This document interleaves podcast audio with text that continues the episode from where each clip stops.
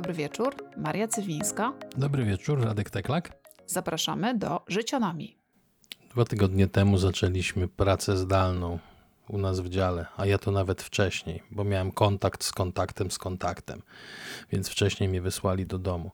Siedzę już dwa i pół tygodnia, jestem bardzo wydajny, ale tak naprawdę ratunku nie wiem, co mam robić.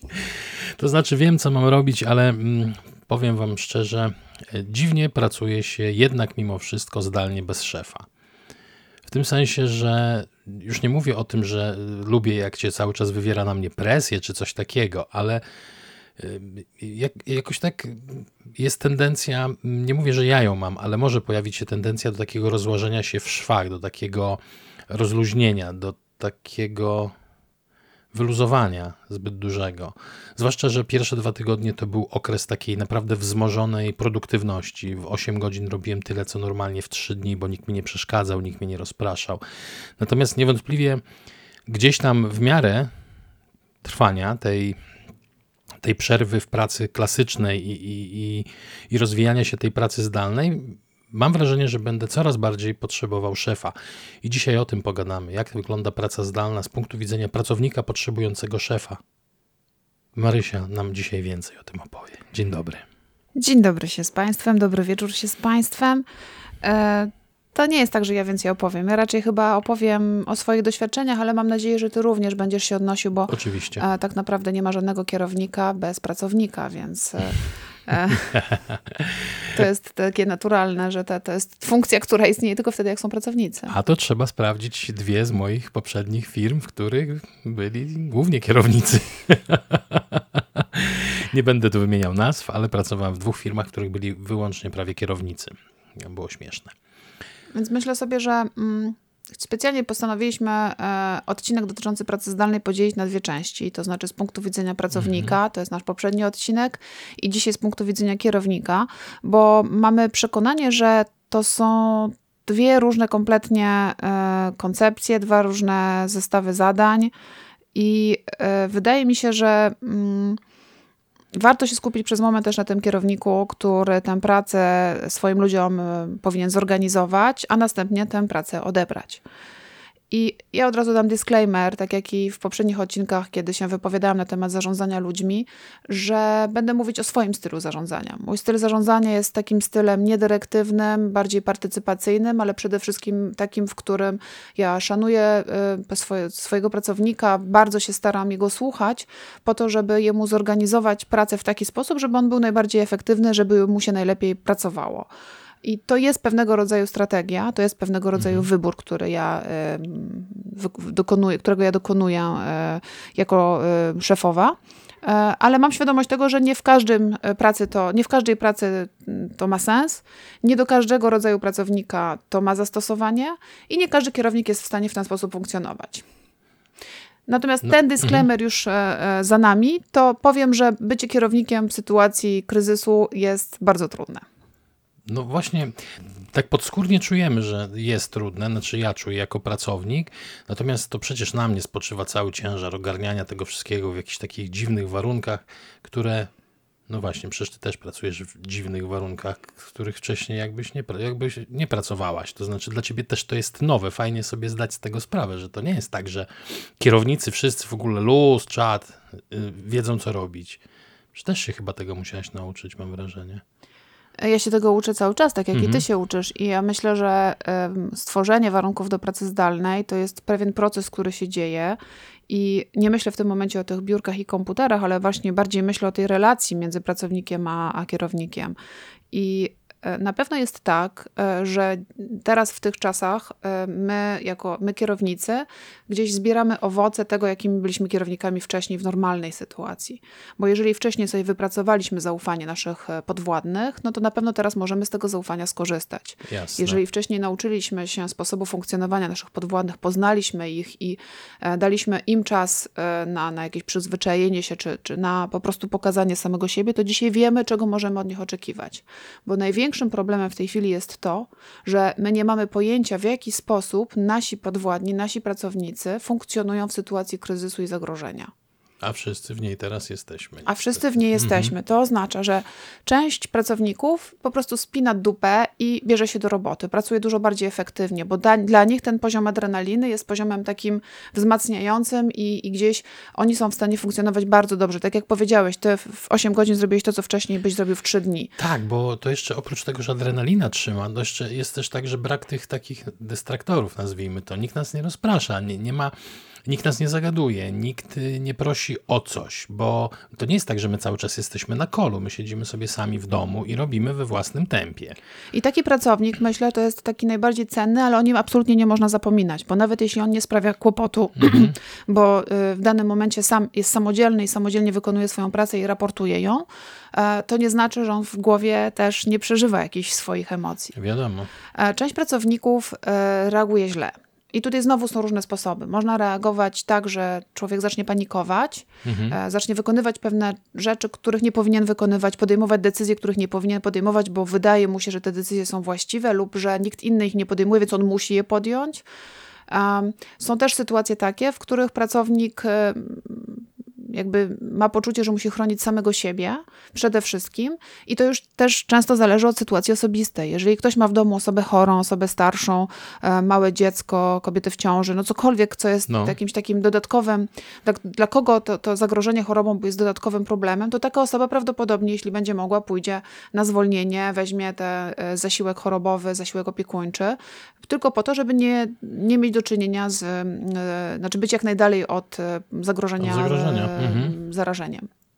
I, I tu znowu, to może być osoba, która jest niezaangażowana w pracę i dlatego ona sobie poszła, ponieważ jest niezaangażowana, nie zadbaliśmy o jej zaangażowanie wcześniej, albo zdemotywowaliśmy ją do czegoś, więc ona sobie poszła na zwolnienie, na urlop, na cokolwiek. Albo jest tak wystraszona, że może być pracownikiem miesiąca przez 12 miesięcy w roku, ale poziom stresu jej wszedł tak wysoki, że nie jest w stanie wykonywać Dokładnie zadań. tak. I to chyba wtedy jest dobry moment, żeby dać jej chwilę na ogarnięcie się, nawet Dokładnie dłuższą. tak. Mhm. I właśnie jeżeli znamy swoich pracowników, to my wiemy, to wiemy która, mhm. która to jest sytuacja. Ale człowiek, który uciekł, to nie musi być człowiek, który uciekł dlatego, że ma w dupie wszystko. To może być człowiek, który jest na takim poziomie stresu, że musi uciec. No, e, tak. U nas w pracy zrobiliśmy coś takiego, że bardzo szybko daliśmy możliwość ludziom od pójścia na pracę zdalną. Nawet jeśli ta praca zdalna jest e, technicznie bardzo skomplikowana, e, w sensie, w szczególności jak pracuje się w administracji, tam gdzie mamy do czynienia z dokumentami, z biurokracją na co dzień, to stworzenie warunków pracy jest naprawdę trudne, to y, zależało mi na tym, żeby jak najszybciej ludziom dać tę możliwość i wydaje mi się, że podjęłam bardzo dobrą decyzję, dlatego że już w momencie, w którym komunikowałam, że od jutra możecie pracować zdalnie, tylko dajcie mi znać, jakie czynności jesteście w stanie wykonywać zdalnie, a jakich nie jesteście, mhm. E, to usłyszałam, dobrze, że mi o tym mówisz, ponieważ ja w domu mam taką, a nie inną sytuację i już zamierzałam pójść na urlop albo na zwolnienie. Jasne. Czyli ja zyskałam tę osobę na pokładzie, bo gdyby poszła na urlop albo na zwolnienie, już nie miałabym e, formalnych możliwości e, współpracy z nią. Co nie zmienia faktu, że jeśli pracownik jest zaangażowany, a takich też mam, to te osoby nawet będąc na zwolnieniu w tej chwili, ponieważ załóżmy są przeziębione, mhm. E, to te osoby nawet teraz się jeszcze kontaktują, próbują pomagać i wiedzą, że sytuacja jest trudna. E, spotykamy się e, online i, i widać na tych kamerkach ludzi w łóżkach, w czapkach, prawda, gdzieś tam no tak.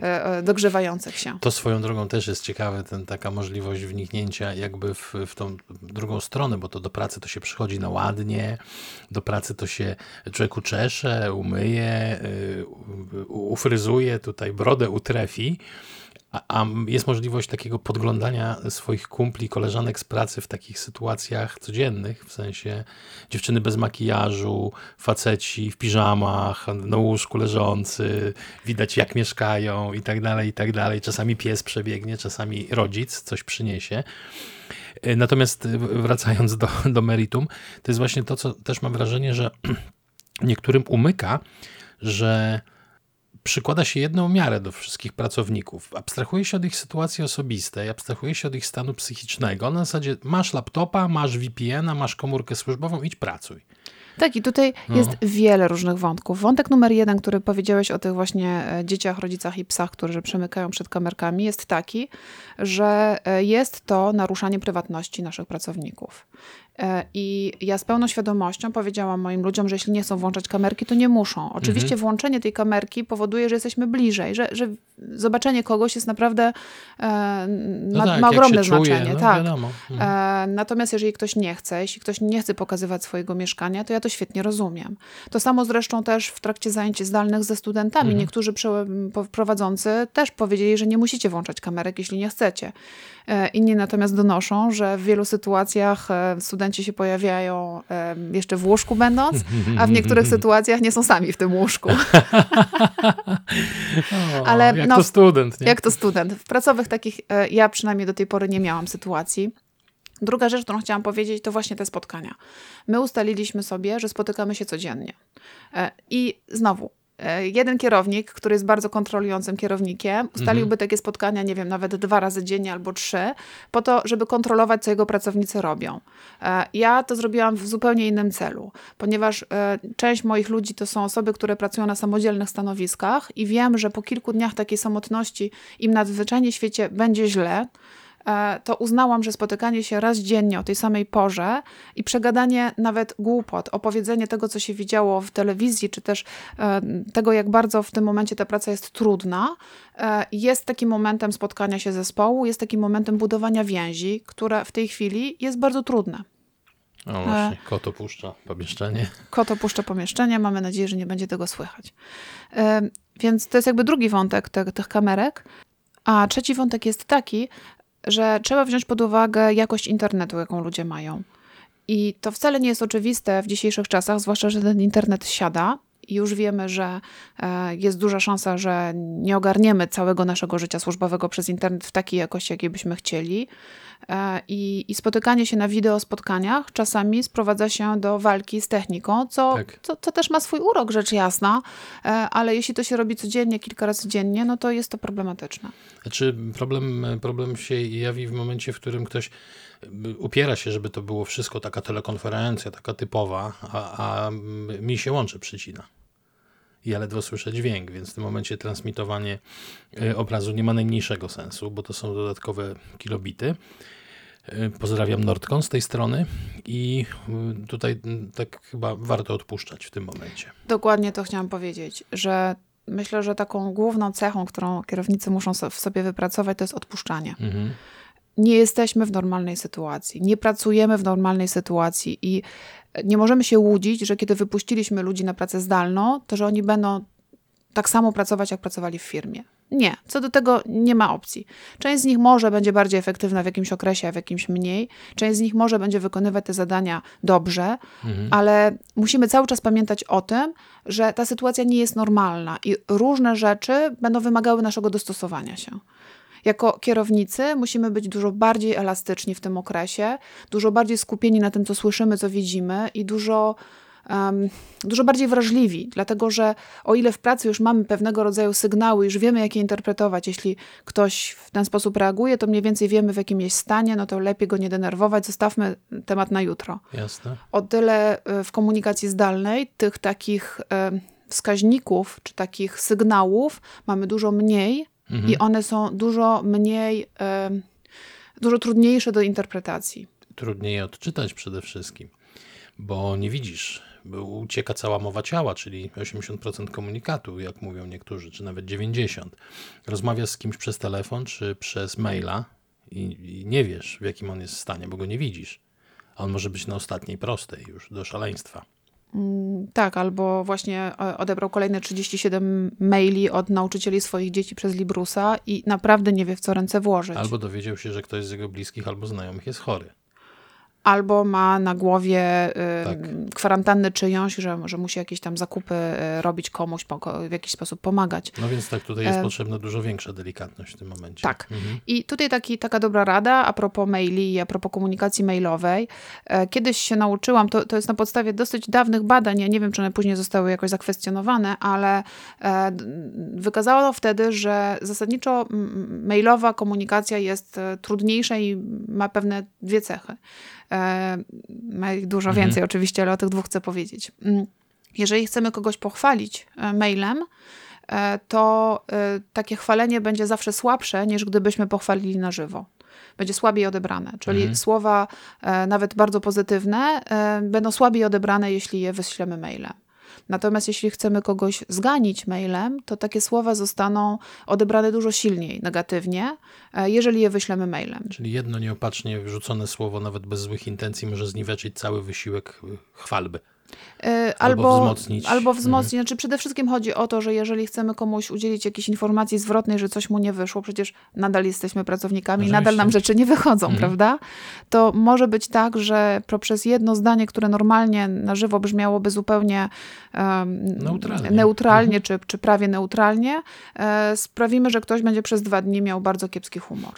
E, dlatego w takich sytuacjach polecałabym po prostu wziąć za telefon i zadzwonić do tej osoby, bo już wtedy lepiej taką, taką rozmowę wykonać przez telefon, to już jest dużo lepsze niż napisanie tego maila. No tak, bo słychać. Mhm. Bo słychać, bo można jakoś tam interpretację jakąś e, mhm. sobie, sobie nałożyć. Co dalej? Mm, spojrzę na swoje notatki. Ja myślę, że tak ogólnie rola kierownika w tej sytuacji jest e, dużo bardziej wymagająca. E, I i znowu, tu chodzi o takie odróżnienie między kontrolą a wsparciem. Mhm. Jeżeli szef jest od tego, żeby dawać wsparcie i tworzyć dobre warunki do tego, żeby pracownik dobrze pracował, to w takich sytuacjach szef powinien bardzo się wsłuchiwać w pracownika, żeby zrozumieć, czego ten pracownik w tym momencie potrzebuje, żeby być efektywny. Mhm. Mm, w związku z tym być może tych rozmów potrzeba więcej, być może tych spotkań poza spotkaniami zespołu, takich spotkań jeden na jeden potrzeba mhm. więcej. Zwłaszcza, że większość osób w takiej sytuacji oczekuje jednego od szefa. W sytuacji kryzysowej od szefa oczekuje się bardzo prostych wskazań, co mam robić. Po prostu. Po prostu. Okay. I oczekuje się, że szef będzie mówił, jakby, że ma sytuację pod kontrolą. Mhm. Dlatego kierownicy są bardziej obciążeni w tym okresie, ponieważ e, przynajmniej ja to tak czuję. Na mojej głowie jest nie tylko mm, dalsze funkcjonowanie zapewnienie ciągłości funkcjonowania mojej firmy, mojej organizacji, mhm. ale jest również stworzenie takiej e, sytuacji, takiej atmosfery i takich warunków, w których moi pracownicy będą mieli poczucie, że ja kontroluję tę sytuację. Że jesteś dalej szefem. Tak, mhm. a to jest bardzo obciążające. To tak trochę jak w wojsku. Jak nie masz dowódcy, to idziesz w rozsypkę. Tak, i uważam mhm. osobiście, że w sytuacji kryzysowej w każdej organizacji musi być przynajmniej jeden dowódca. Bez tego e, nie mamy kontroli nad procesami. Tracimy kontrolę nad tym, co się dzieje, tracimy ludzi. Mhm. A nie stać nas na to, żeby tracić ludzi. No tak. Że trzeba ich wspierać, trochę popielęgnować, bo sytuacja dla wszystkich jest mocno niecodzienna. I trzeba pamiętać, że naprawdę technologia fajna opcja, ale jednak liczy się też ten taki ludzki y, aspekt tego wszystkiego. Y, bo, bo ja patrząc po sobie, tak, fajnie jest, jak ktoś mną zarządza. Nawet jeżeli ja mam dosyć dużą samodyscyplinę, wiem, co mam robić, wiem, że tu mam do godziny 14 mam ustrukturyzowaną pracę, a potem mogę zacząć robić jakieś inne rzeczy, w sensie coś swojego wymyślić i tak dalej, to jednak mimo wszystko no nie każdy ma taki komfort, że wie, co będzie robił godzina po godzinie. Nie, nie, nie każdy ma taką pracę jak ja, czyli analityczną. Dokładnie tak. Mhm. I e, ten dowódca, tak jak powiedziałeś, to jest. Um, on sam długo nie wytrzyma. Mhm. Dlatego ja mam niezwykle luksusową sytuację, że mam wokół siebie zespół kierowników sekcji. Jest nas piątka, szóstka, siódemka, zależy od, od kombinacji. I z tymi ludźmi stworzyłam bardzo bliski zespół, z którymi się też komunikuję codziennie i my sobie nie tylko przekazujemy wszystkie trudniejsze i łatwiejsze rzeczy, też wszystkie pozytywy, które się wydarzyły, bo tymi pozytywami żyjemy, e, ale również e, stworzymy sobie taką grupę wsparcia bo ten stres kierownika, on, on zabija. Mhm. Ten stres jest naprawdę bardzo wysoki. Ja, ja się czuję odpowiedzialna za wszystkich moich ludzi, za wszystkich ludzi, którzy twoją, tworzą moją organizację, nawet jeśli nie podlegają mi bezpośrednio. I chciałabym im stworzyć jak najlepsze warunki pracy w tej strasznie trudnej sytuacji. I, i rzeczywiście to poczucie odpowiedzialności jest bardzo trudne.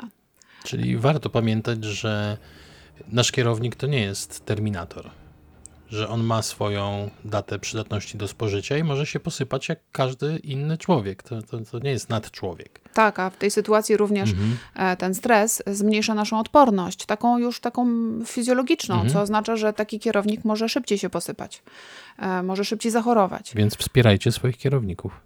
bo od nich zależy to, jak wam się będzie pracowało. Tak. Znowu... znowu, To też ludzie, no bez jaj.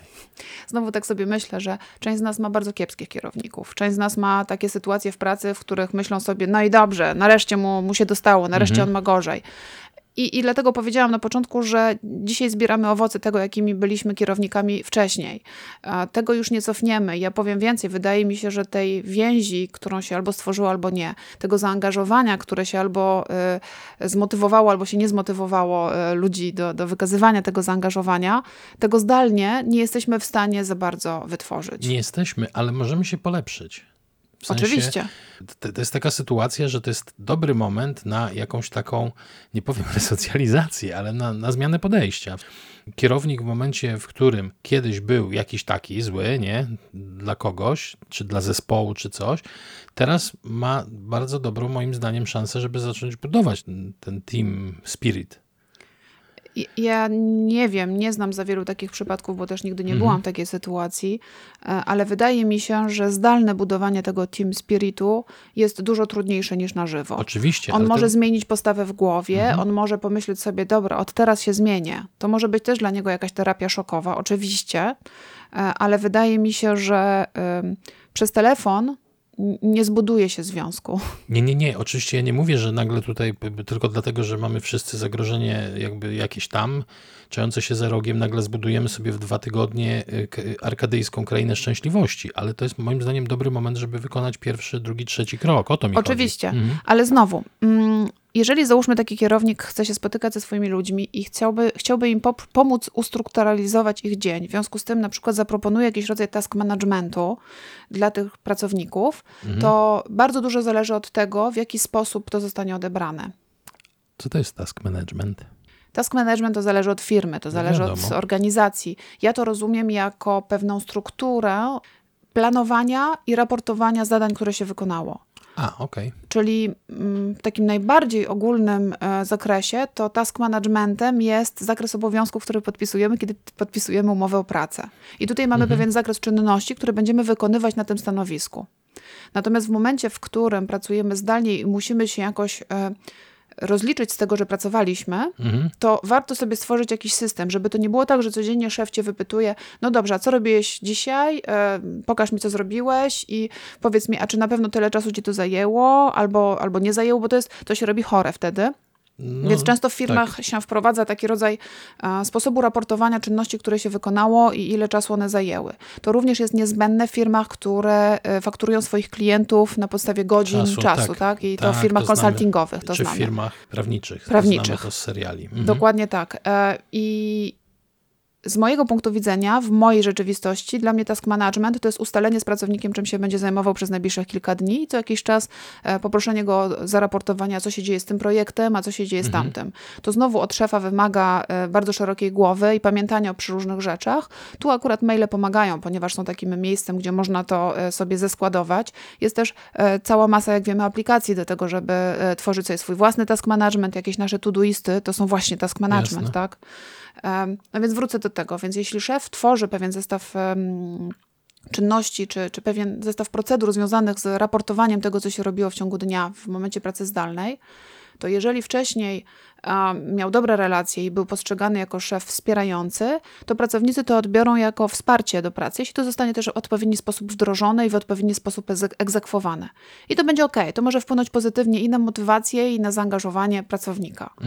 E, Natomiast jeżeli szef to wdroży w taki sposób, że my chcemy kontrolować i wiedzieć, że ty nie pierdzisz w stołek, kiedy siedzisz w domu, bo przecież ty nas oszukujesz i na pewno nic nie robisz wtedy, kiedy jesteś na tej zdalnej pracy, No to tak. to taki task management zostanie odebrany jako narzędzie kontroli i raczej nie wpłynie na motywację, bo to będzie zewnętrzny motywator i zewnętrzne poczucie kontroli i ja myślę, że a, to nie będzie dobre. I nie ma tam, nie ma w przypadku tak, takiego task managementu, nie ma takiej głupoty, której nie wpiszesz do timesheeta. Od godziny 17, 14 do 14.27 czekałem, aż mi się przeliczą dane. Wpisujesz jakieś kompletne głupoty i później analiza takich timesheetów to jest po prostu jakiś... Więc, Dramat. E, tak, dokładnie. I ja myślę, że tu znowu e, jest szef, który będzie e, kontrolował, egzekwował i, i prosił o tego typu raportowanie. Jest szef, który będzie tworzył relacje z pracownikiem po to, żeby pracownika wkręcić w robotę, Mhm. żeby wymyślić mu nowe zadania. A jest jeszcze jeden dodatkowy problem, ze, znaczy cała masa, ale jeden, który teraz mi przychodzi do głowy z zarządzaniem zdalnym. Jest, to jest sytuacja, w której pracownik nie jest w stanie wykonywać tak dużo pracy, jak wtedy, kiedy był w, w biurze. Biurze. Mhm. Bo na przykład część jego pracy opiera się na obsłudze klienta, a w tej chwili obsługa klienta nam spadła. I taki pracownik, znowu są różne opcje reakcji. Jeden będzie miał poczucie, że nie ma co robić i po prostu zajmie się, nie wiem, gotowaniem, wnuczką czy czymkolwiek.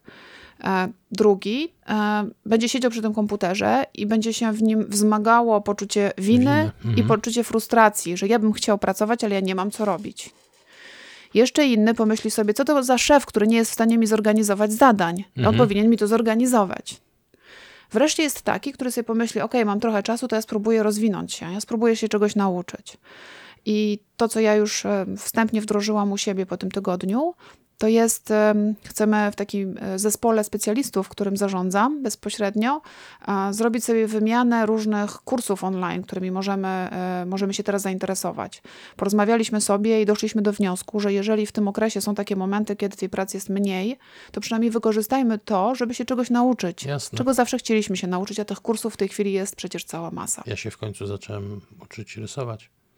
O, no to się bardzo cieszę. Na razie czytam książkę. Dobrze, że czytasz książkę o rysowaniu, będziesz chciał porysować, to ci pożyczę tablet. Oczywiście, że tak. I znowu właśnie kierownik tutaj może pełnić bardzo rozmaitą rolę. Może mówić, siedźcie na dupie i czekajcie na zadania. Nie popieram takiego zachowania. A może powiedzieć, słuchajcie, chcecie się rozwijać. Czym zawsze chciałeś e, e, się zająć? Co byś robił, gdybyś nie robił tego, co robisz? Chcesz się nauczyć programów graficznych, a jesteś e, księgowym? Ucz się. Mhm. Taka kompetencja dodatkowa w zespole nigdy nie będzie nadmierną kompetencją. Jeżeli ktoś chce się teraz zacząć uczyć niemieckiego, a nigdy nie miał takiej możliwości, niech się uczy.